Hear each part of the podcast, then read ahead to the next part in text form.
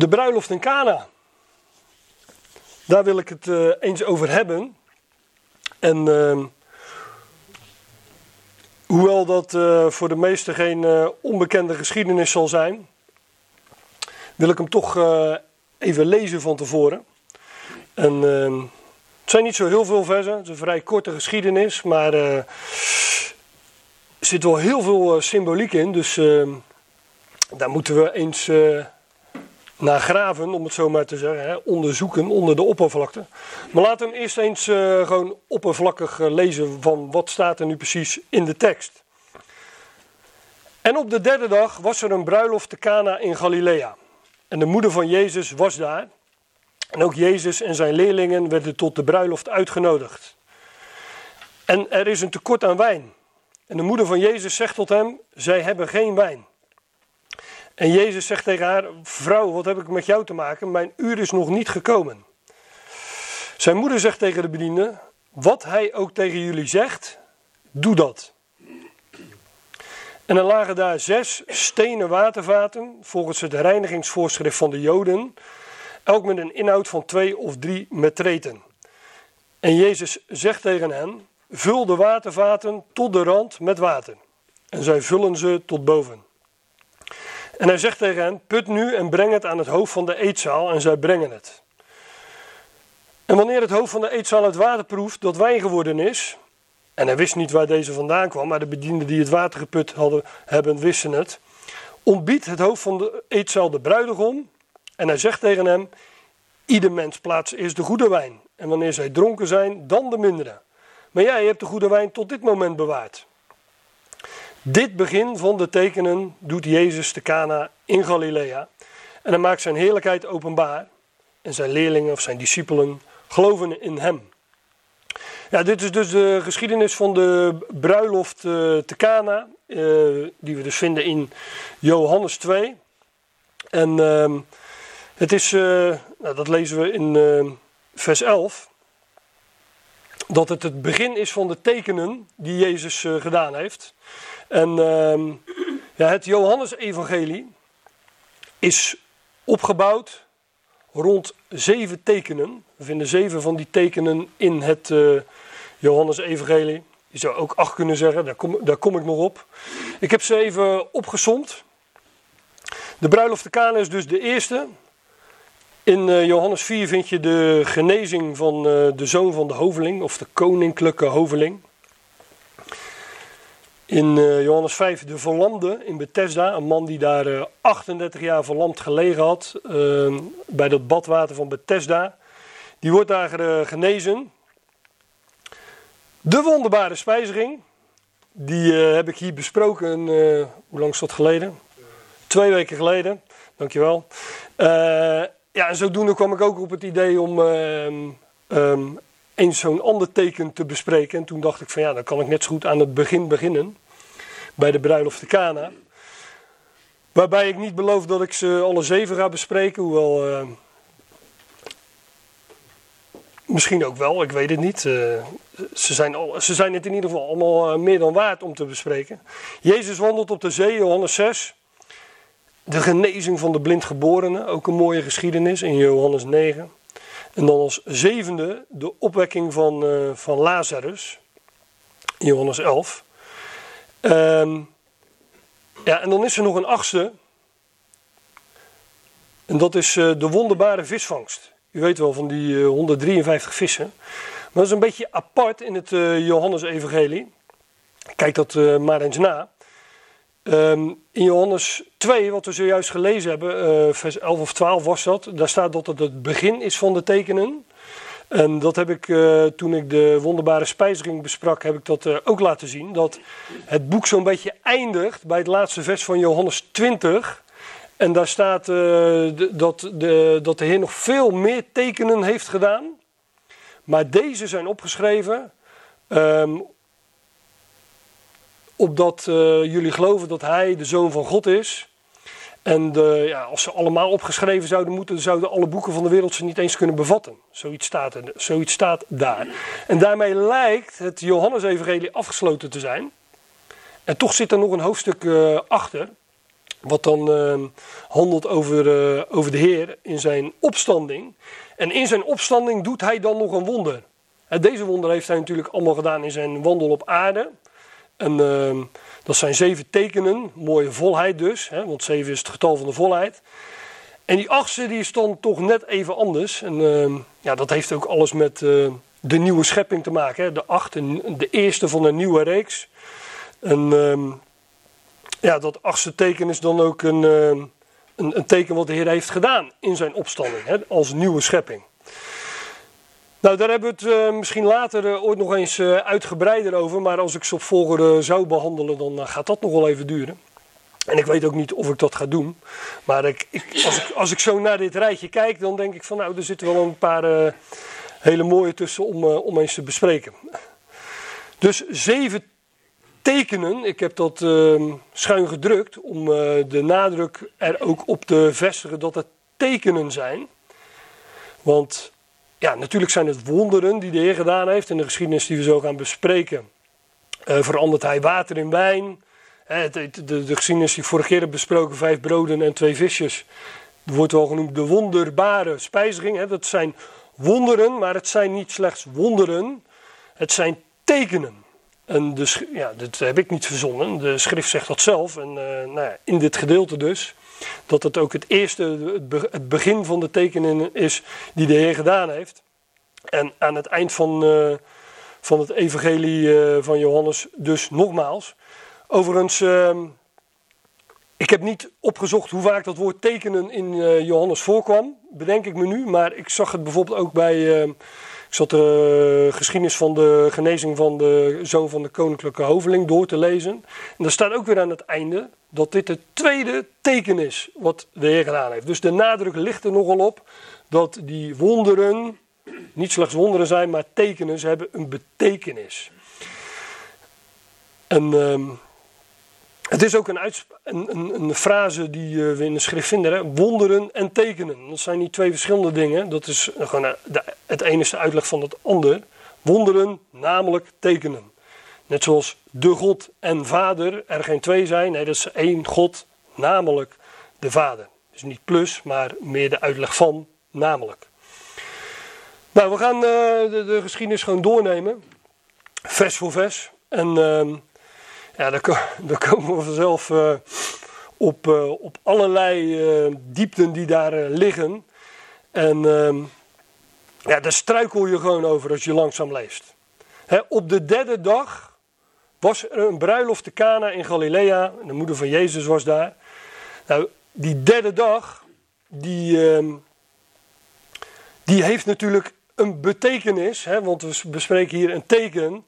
En ik heb ooit wel eens met een concordantie uh, zitten gepro geprobeerd te turven hoe vaak die derde dag voorkomt. Ja, daar ben ik op een gegeven moment mee gestopt. Want het is, uh, dat is echt niet te doen. Het komt zo vaak in de schrift voor, een drie en de derde. En dan ook nog eens dat je telt, hè, de, een eerste en een volgende en dan uh, de volgende. Ja, dan zijn het er ook drie. Maar de derde dag spreekt, in de, spreekt natuurlijk van de opstanding van Christus, maar dus ook over opstanding in het algemeen, nieuw leven. Nou, en hier is op de derde dag een bruiloft. De derde dag, ook in de profetieën, de bedoel ik de Hebreeuwse profeten, wat wij ons Oude Testament noemen, ook daar komt dat, uh, wordt, ja, wordt daar uitgebreid over gesproken. Bijvoorbeeld in uh, Hosea 5. Dat is wel een mooie. Dit is het laatste vers van Hosea 5. En dan vangt er uh, hierna een nieuw hoofdstuk aan, dus Hosea 6. Maar ja, die hoofdstukindeling is van, uh, van late datum. Dus uh, in principe moeten we, ho hoeven we ons daar niet al te veel aan te storen. We kunnen gewoon doorlezen. Maar daar, daar, daar gaat het over de Heer die zegt: Ik zal heen gaan en terugkeren naar mijn plaats, totdat zij, dat gaat over Israël, lees het voorgaande, Juda, Ephraim, Israël. Ik zal heen gaan en terugkeren naar mijn plaats, totdat zij schuld zullen erkennen en mijn aangezicht zoeken. In hun benauwdheid zullen zij mij vroeg zoeken. Zullen zij vroeg naar mij zoeken. Nou, over dit vers zouden we al een dag Bijbelstudie kunnen geven, want hier staat al zoveel in. Dat de, de, ehm, de, Heer, de, zou terugkeren naar zijn plaats, staat hier dus. Dus dat betekent dat hij gekomen is. He, want anders keer je niet terug. Maar hij is dus blijkbaar terug, heen gegaan en teruggekeerd naar zijn plaats. Totdat Israël zei: schuld erkennen en mijn aangezicht zoeken. Nou, Israël zal zijn aangezicht zoeken. Israël zal de naam des Heren, de naam van Yahweh, aanroepen. In hun benauwdheid, dat staat hier dus ook. Namelijk aan het einde van de grote verdrukking. Lees onder andere in, uh, in Zacharia uh, 14, Joel 2. In hun benauwdheid zullen zij vroeg naar mij zoeken. Dus in hun benauwdheid, de, de, de benauwdheid van Jacob, wordt de grote verdrukking ook wel genoemd.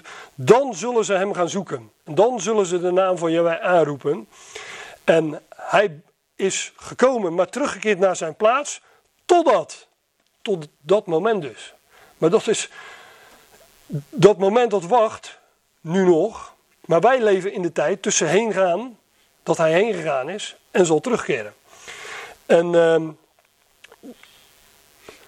dan staat er: Ga en laten wij terugkeren tot Yahweh. Dit is wat Israël dus zegt. Dit is wat Israël in de toekomst zal zeggen, hè, wanneer ze die naam aanroepen in benauwdheid. Want hij heeft in stukken gescheurd en hij zal ons genezen. Hij slaat en hij zal ons verbinden. Hij zal ons na twee dagen levend maken. Op de derde dag zal hij ons oprichten. En wij, Israël, zullen leven voor zijn aangezicht.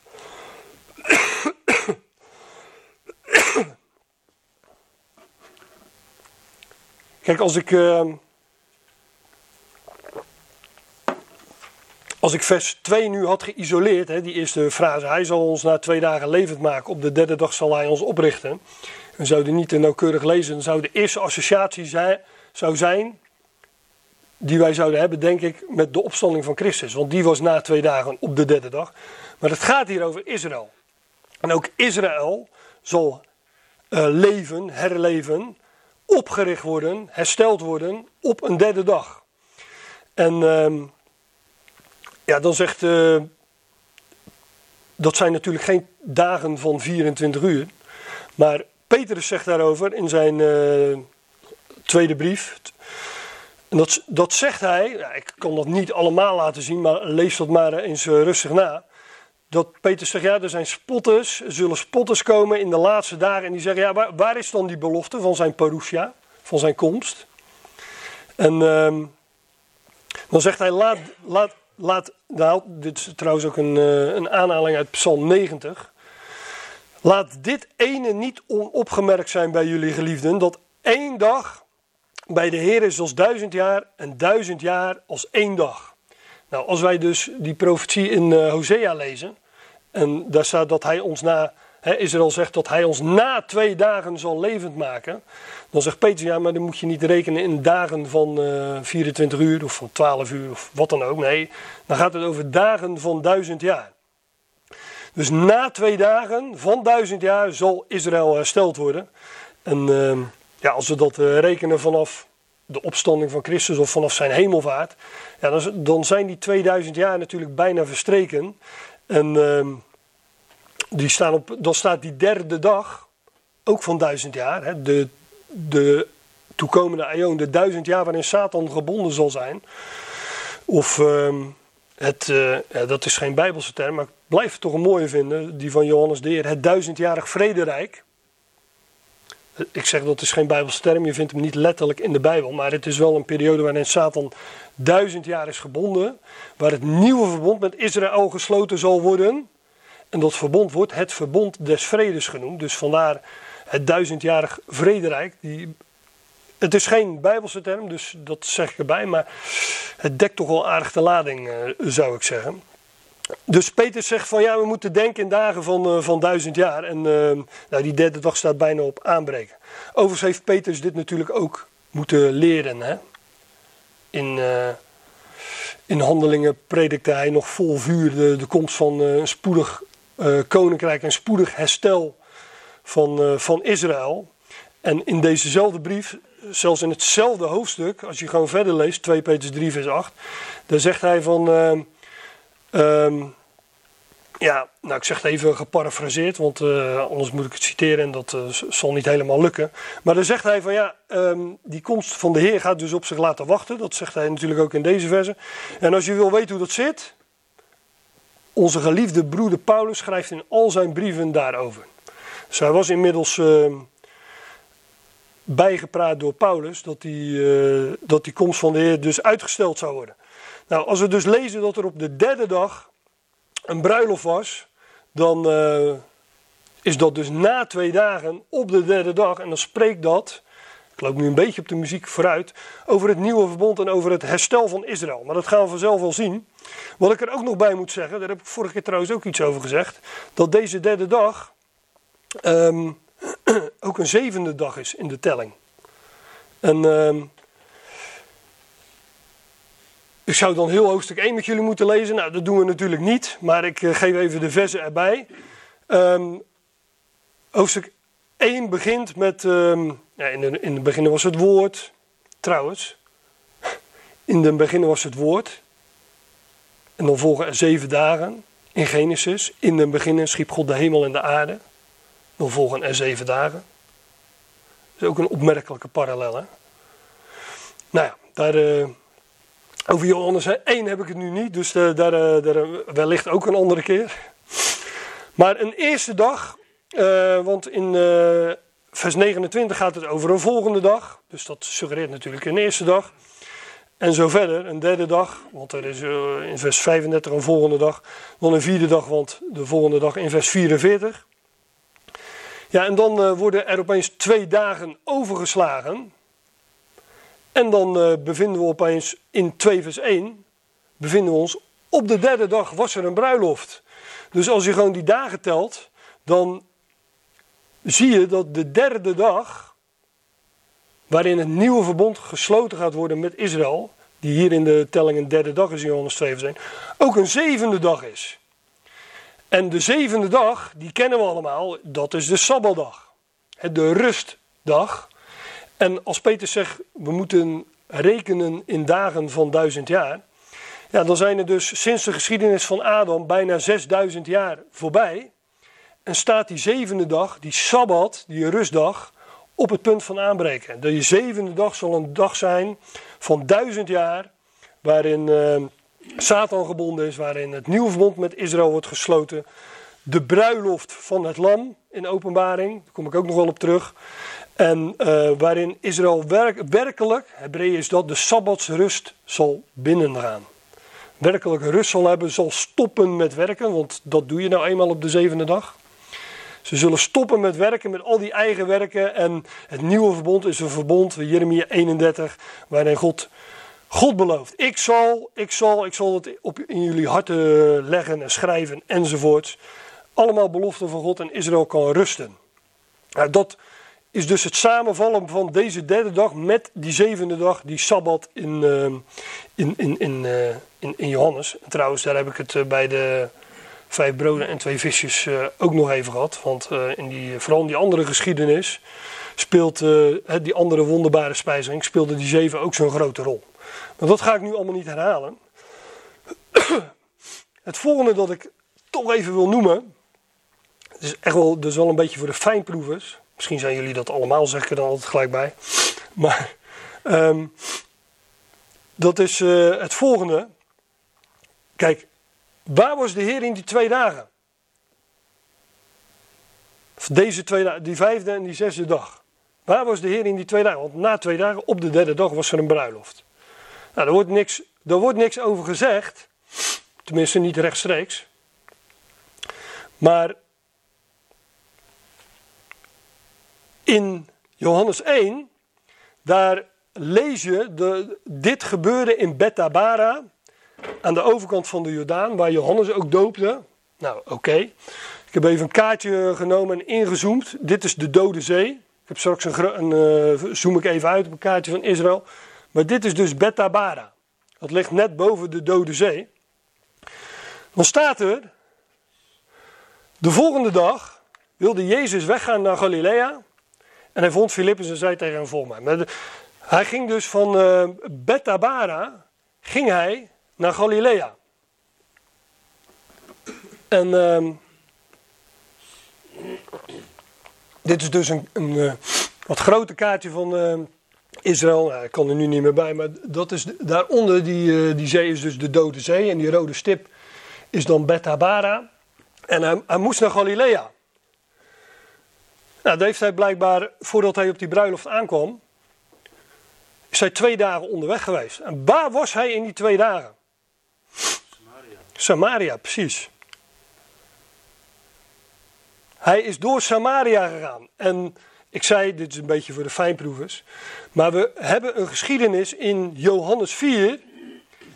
En ik zeg niet dat die, dat die geschiedenis, dat, gelijk als disclaimer erbij. Ik zeg niet dat die geschiedenis in Johannes 4 zich afspeelde in deze twee dagen.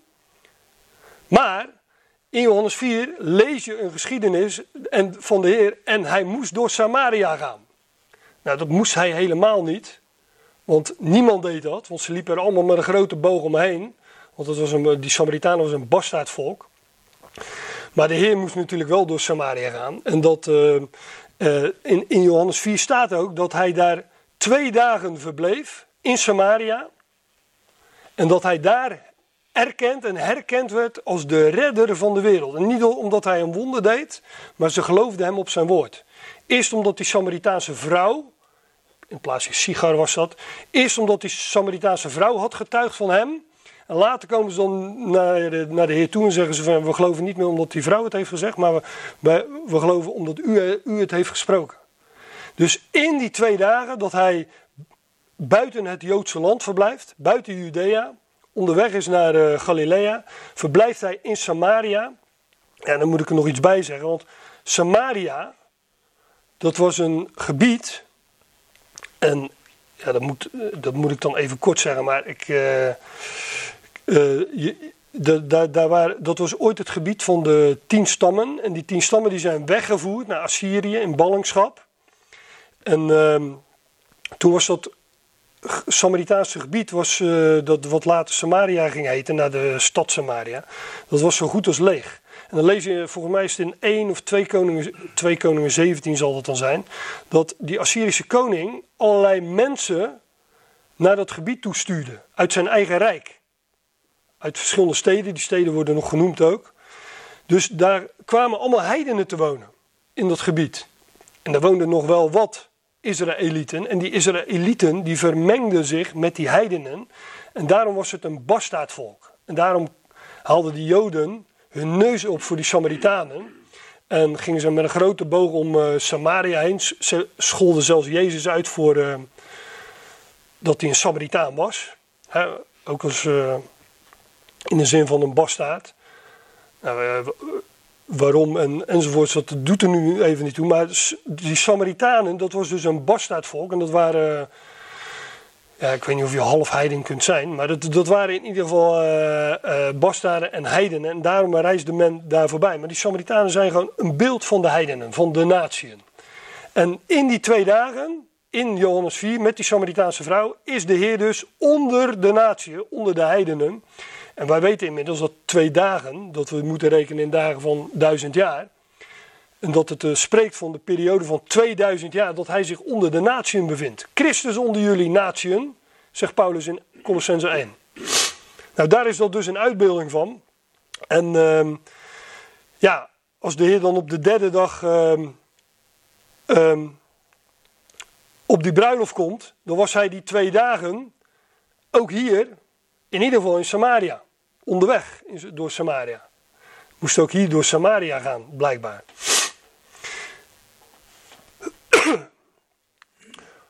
Op de derde dag was er een, bruiloft te Cana in Galilea. En de moeder van Jezus was daar. En ook de bruiloft in de profetieën is een bekend beeld van het nieuwe verbond dat met Israël zal gesloten worden. Overigens ook van het oude verbond. was ook een, uh, een huwelijk tussen Yahweh en Israël. En het nieuwe verbond zal ook weer een huwelijk zijn tussen de Heer en Israël.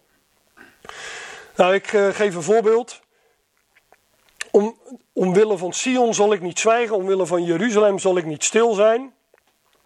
De natieën, de volkeren, zullen uw gerechtigheid zien en alle koningen u luisteren. U zult met een nieuwe naam genoemd worden, die de mond van Yahweh bepalen zal. U zult een sierlijke kroon zijn in de hand van Yahweh en een koninklijke tulband in de hand van uw God. Het gaat allemaal ook over koningschap, hè, want hij zal regeren vanaf de troon in Jeruzalem. Uh, aan, het, uh, aan het hoofd van een Israëlitisch koninkrijk. De, Israël zal, uh, de Messias zal via Israël de volkeren regeren en onderschikken. Tegen u zal niet meer gezegd worden verlatenen. Want Jaweh, God heeft Israël een scheidbrief meegegeven, omdat zij dat verbond, het oude verbond, verbroken hadden. En hier wordt dan gezegd, tegen u, zij zijn nu de verlatenen, ze zijn tezijde gesteld, maar tegen u zal niet meer gezegd worden verlatenen. Tegen uw land zal niet meer gezegd worden woestenij. Maar u zult genoemd worden, mijn welgevallen is in haar. En uw land getrouwde, of gehuwde, want Jaweh verlangt naar u en uw land zal getrouwd zijn. Want zoals een jonge man trouwt met een jonge vrouw, zo zullen uw zonen trouwen met u. Zoals een bruidegom zich verblijdt over zijn bruid, zo zal uw God zich over u verblijden. dus ook in de Oud Testament, de Hebreeuwse profetieën, wordt dat nieuwe verbond voorgesteld als een bruiloft, als een huwelijk tussen Yahweh en, uh, en Israël. Nou, nog één die heb ik al even uit het hoofd aangehaald. Zie, er komen dagen, spreekt Jawel, dat ik met het huis van Israël en met het huis van Juda een nieuw verbond zal sluiten. Niet zoals het verbond dat ik met hun vaderen gesloten heb, op de dag dat ik hun hand vastgreep om hen uit het land Egypte te leiden. Mijn verbond dat zij verbroken hebben. Hoewel ik hen getrouwd had, spreekt Jawel. Voorzeker, dit is het verbond dat ik na die dagen met het huis van Israël zal sluiten, spreekt Jawel. Ik zal mijn wet in hun binnenste geven en zal die in hun hart schrijven. Ik zal hun tot God zijn en zij zullen mij tot volk zijn. Dus ook hier dat verbond, hè, dat, het oude verbond was een huwelijksverbond. Zij zijn de verlatenen, maar dat nieuwe verbond zal de Heer hen opnieuw trouwen. En dat zal uh, een verbond zijn waar, uh, waar de verplichtingen, om het dan maar zo te zeggen, liggen bij hem. He, dus voor mij vinden we zeven keer in dit gedeelte in Jeremia 31 dat de Heer zegt: ik zal. Ooit zei Israël onder het oude verbond: alles wat hij gesproken heeft, zullen wij doen. Nou, we weten hoe dat is afgelopen. En vandaar dat het nieuwe verbond een verbond is van belofte van God. En hij zegt: Ik zal. En dus vind je dat, um, dat idee van het nieuwe verbond, dat een bruiloft is, de hele schrift door. En ook in de evangeliën wordt dat zo voorgesteld. Dit is een, uh, de gelijkenis van de koninklijke bruiloft.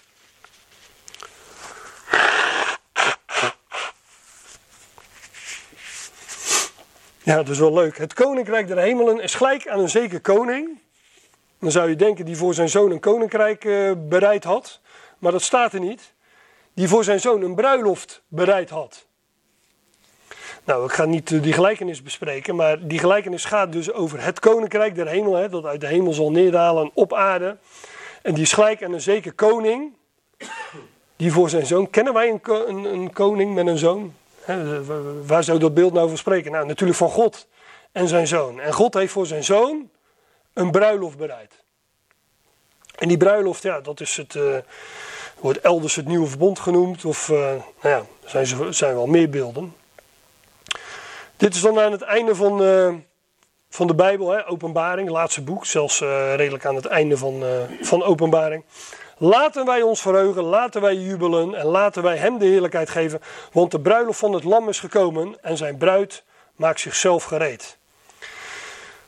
Ja, dus de, de hele schrift door vinden we die, die metafoor van de bruiloft. Nou, als uitbeelding van het nieuwe verbond dat in de toekomst gesloten gaat worden met Israël.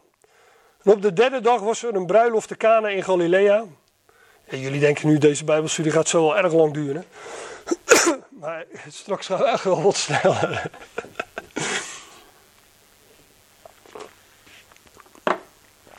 Op de derde dag was er dus een bruiloft te Cana in Galilea. Overigens, dat, um, dat Galilea lag ook helemaal in het noorden. Dus de heer ging van zuid naar noord. En dat spreekt van, Zuid spreekt van vernedering. Het, aan de hemel staat het zuiderkruis en de noorderkroon. Dus eh, die, die opwaartse gang spreekt ook altijd van, van verhoging. Nou, dat eh, heb ik dan toch even gezegd in een voetnoot. De moeder van Jezus was daar. En dat is heel opmerkelijk dat ze niet gewoon Maria wordt genoemd. Nee, zij is de moeder. En uh, ik denk dat, dat, dat ook zij hier op het toneel verschijnt als uitbeelding van het volk. Israël, hè? wij noemen dat wel een moedervolk. Maar ja, de, de Heer is uit Maria voortgekomen. De Heilige Geest heeft haar overschaduwd en dat uh, heilige wat uit haar geboren werd zou uh, zoon van God genoemd worden. Maar als, als het brede trek is natuurlijk Israël uh, de moeder en het moedervolk. En ook Jezus en zijn leerlingen, zijn discipelen, werden tot de bruiloft uitgenodigd. Dus alle twaalf zijn ze aanwezig. Verwijst natuurlijk, als je het mij vraagt, ook weer naar Israël. De twaalf zijn op de bruiloft aanwezig. Ja, dat is logisch, want hè, in, in, beeld zal in de toekomst de, het huwelijk gesloten worden met de twaalf, met Israël. En er is een tekort aan wijn. En de moeder van Jezus zegt tot hem: Ze hebben geen wijn. Nou, uh, we gaan geen uh, ethiek bedrijven. Dus. Uh,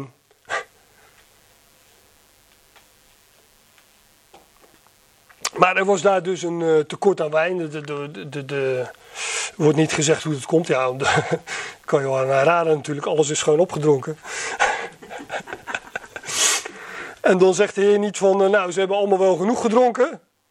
Nee, de, wijn was op en dat was een probleem. En, uh, daar werd de Heer dus deelgenoot van gemaakt. Niet door Maria, maar weer door de moeder. Hè? En, uh, maar er is tekort. Vorige week stond ik ehm, in, uh, in Ebenezer, in Nea. En ehm, toen heb ik ook dit vers aangehaald. Dit, dit, dit spreekt van het dal, van de, do, de, uit de, het visioen van de dal, het dal met de dorre doodsbeenderen. Daar is een hele vallei met allemaal beenderen, allemaal botten. Um, en ja, die zijn dor, daar is geen leven in. En daar wordt gezegd dat het een uitbeelding is van het volk Israël. Toen zei hij tegen mij: Mensenkind, deze beenderen zijn heel het huis van Israël. Zie ze zeggen: Onze beenderen zijn verdord en onze hoop is vergaan, we zijn afgesneden. Vorige week sprak ik over de man met de dorre hand. Nou, die hand lag daar dus ook ergens uh, in die vallei, hè? in dat dal. Dus dan weet je meteen waar, die, waar dat een beeld van is. Um, maar er is dus tekort. Hè? Israël komt tekort en Israël is, is door, dood en bevindt, zich nu ook in het graf, hè? Dat, uh, in de dood. Dat zegt datzelfde hoofdstuk Ezekiel 37. In de toekomst zal hij hen, dat is dan uh, een ander beeld natuurlijk, zal hij hen uit hun graven doen opkomen en uh, Israël herstellen. En Jezus zegt tegen haar: Vrouw, wat heb ik met jou te maken? Mijn uur is nog niet gekomen.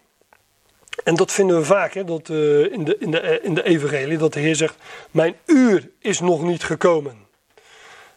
En het, dus, het is allemaal timing. Nou, we hebben het al gehad over. Uh, we, ja. we, we hebben het al gehad over timing. En na twee dagen op de derde dag. En dagen van duizend jaar. En de derde dag is ook de zevende dag. En dat, dat, ja, de, de, dat is dus. Uh, heeft allemaal met, met timing te maken. Met God die dat beschikt. En dat is allemaal precies op het juiste moment. En dat doet de Heer hier ook. Moest eerst. Eerst moest aan iedereen. Laat ik het dan. Uh, laat ik het dan zo zeggen, eerst moest iedereen duidelijk worden dat de wijn op was. Dat er een tekort was. Zo zal ook Israël, wat we net gelezen hebben, pas in een uiterste benauwdheid de naam van Jaweh gaan aanroepen. Eerst moet, ja, dat, dat, dan precies op het juiste moment en wanneer zijn uur is gekomen. Er lagen daar zes stenen watervaten, volgens het reinigingsvoorschrift van de Joden, elk met een inhoud van twee of drie metreten. Ja, zes stenen watervaten. We hadden het net even over uh, over, nou, we hebben het over die getallen. Over de 3 en de 7. Maar 6 is het getal van de mens. Ook, ook in de openbaring lezen we dat, hè? 6, 6, 6.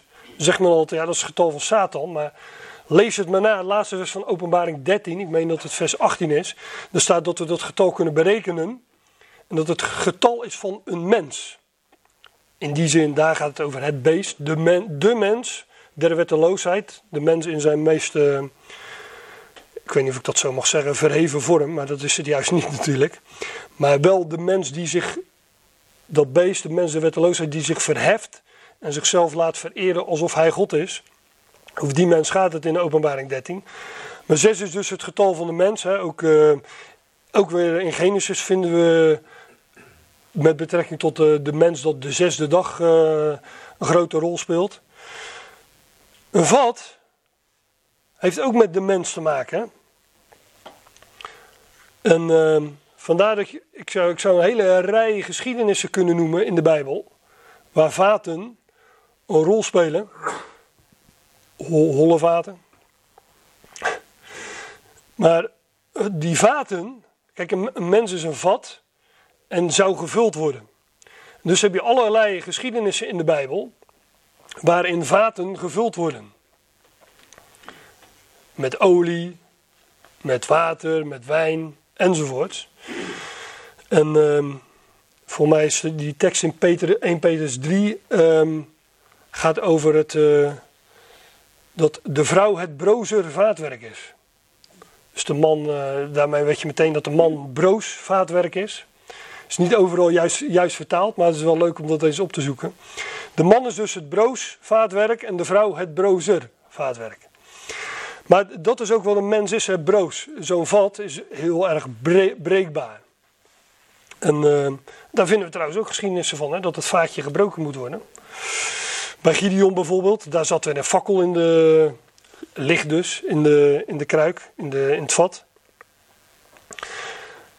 Maar hier gaat het over stenen watervaten. En, de, en, en een stenen watervat is natuurlijk geen natuursteen, hè, zoals een, rots, wat spreekt van Christus, maar is aardewerk. En aardewerk is in het beeld ook weer een beeld van Israël. In Jeremia 18, vers 6 gaat het over pottenbakken die op de schijf uh, een, een, een, pot, uh, een pot maakt. En um, ja, dan wordt er tot dat uh, aardewerk gezegd, of tot, uh, tot die klei waar het aardewerk van wordt gemaakt, uh, dat, dat dat het huis van Israël is. En Paulus refereert eraan dan in Romeinen 9. Dus ook die zes, de mens, stenen, watervaten, spreekt ook van de mens, maar ook van Israël. Nou, die, ehm, die, die, er lagen daar zes stenen watervaten volgens het voor, reinigingsvoorschrift van de Joden. En die waren natuurlijk gevuld met water om handen of uh, voeten te wassen. En daar vinden we ook geschiedenissen van in de Bijbel natuurlijk. Maar dat die watervaten hier, die zes watervaten, die hebben dus ook, die hebben wel met het woord van God te maken. Maar dan wel met het oude verbond, met rituelen. Met reinigingsrituelen. En um, dus met het oude verbond. En ik geloof ook dat die zes stenen watervaten, die gevuld waren met water, uh, dat, uh, dat, dat die zes stenen watervaten die er lagen, die gebruikt waren om de voeten en de, de, handen te wassen, dat die ook spreken van het oude verbond. En daar zat wel water in, wat een uitbeelding is van het woord van God, maar dat raakte op. Die, en, en, dat oude verbond kon Israël niet dragen. Nou, er staat een, ook met een inhoud van twee of drie metreten. De uitleggers haasten zich dan om uh, uit te gaan leggen hoeveel een metreet is. Dus dat, uh, voor mij is dat, uh, ja, dan zeggen ze 20 of 30 of tot 40 liter. Dus nou, dat was in ieder geval heel wat. Het waren flinke vaten. Maar een metreet heeft gewoon te maken met een maat. Het woord meter. Is, dit is natuurlijk ook een maat, alleen dan weer een afstandsmaat. Maar ik denk dat die twee of drie metreten. Waarom staat er niet gewoon dat het er twee waren. Of dat het er drie waren. Nee, twee of drie. Ja, ik denk dat dat ook weer met die twee, na twee dagen op de derde dag te maken heeft. Als u een betere suggestie hebt, dan, uh, dan hoor ik dat graag. Maar het oude verbond, hè, reinigingsvoorschriften, uh, zes stenen watervaten, die lagen daar. En Jezus zegt tot hen: vul de watervaten tot de rand met water. En zij vullen ze tot boven. Ja, ik weet niet wat die mensen gedacht hebben die dat uh, moesten doen. Maar het probleem was dat er wijn op was. Je, moet, je moet dat even visualiseren. De moeder van Jezus had gezegd: Nou, alles wat hij zegt, doe dat. En uh, er zal best wat. Uh, er zal best wat stress geweest zijn, want als je, ze, dat is ook wel leuk, ze vierden daar een, een bruiloft en dat duurde zeven dagen. Hè? En op een gegeven moment was de wijn op. Nou, dat, uh, dat zal toch ook wel gênant geweest zijn voor het, uh, voor het huwelijkspaar. Hoewel je daar natuurlijk uh, niets over leest hier. Maar en, en dan komt Jezus en hij zegt dan tot die, tot, tot die mensen daar: vul die watervaten die gebruikt waren voor de, met betrekking tot de reinigingsrituelen, tot de rand met water. Nou, dat waren ze waarschijnlijk uh, aan het begin van de bruiloft ook geweest, maar uh, ze waren leeggeraakt en uh, ze worden nu weer gevuld. En, en, ze worden ook nog eens tot, vul ze tot de rand. Hè? dat wijst ook weer op, ja, daar zou overvloed zijn. En, en zij, zij doen precies wat, wat de Heer zegt. En zij vullen ze tot boven.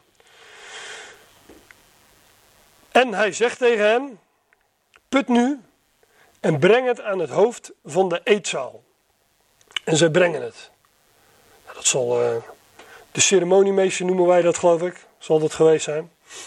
En dan lees je, wanneer het hoofd van de eetzaal het water proeft dat wijn geworden is. En hij wist niet waar deze vandaan kwam, maar de bedienden die het water geput hebben, wisten het. Dus wanneer het hoofd van de eetzaal het water proeft dat wijn geworden is, riep het hoofd van de eetzaal de bruidegom. Dus ja, hoe het hoe dat wonder tot stand gekomen is, dat uh, wordt niet verteld. Het wordt, het wordt hier gewoon meegedeeld dat dat water wijn geworden is. de Heer heeft die vaten laten vullen, die, uh, die een uitbeelding zijn van het oude verbond. Uh, wat, wat vinden we in die vaten? Nou, dat water, dat is wijn geworden. En dat is een. ik zou het op veel manieren kunnen zeggen. Maar het is natuurlijk eh, een uitbeelding van een oud verbond, wat een nieuw verbond wordt. Op de derde dag, en ook een zevende dag, op de bruiloft. Wij spreken natuurlijk van nieuw leven. Het zijn. Uh, wijn wordt gemaakt van druiven. dat zullen jullie allemaal wel weten, dus daar vertel ik niks nieuws mee. Maar oorspronkelijk werden die druiven vertreden hè, in, een, in een wijnpers. Met de voeten werden ze vertrapt.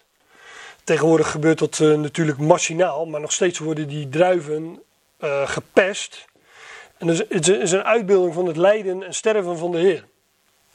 hij is vertrapt, vertreden, gedood. Uh, en dat sap van die druiven wordt opgevangen.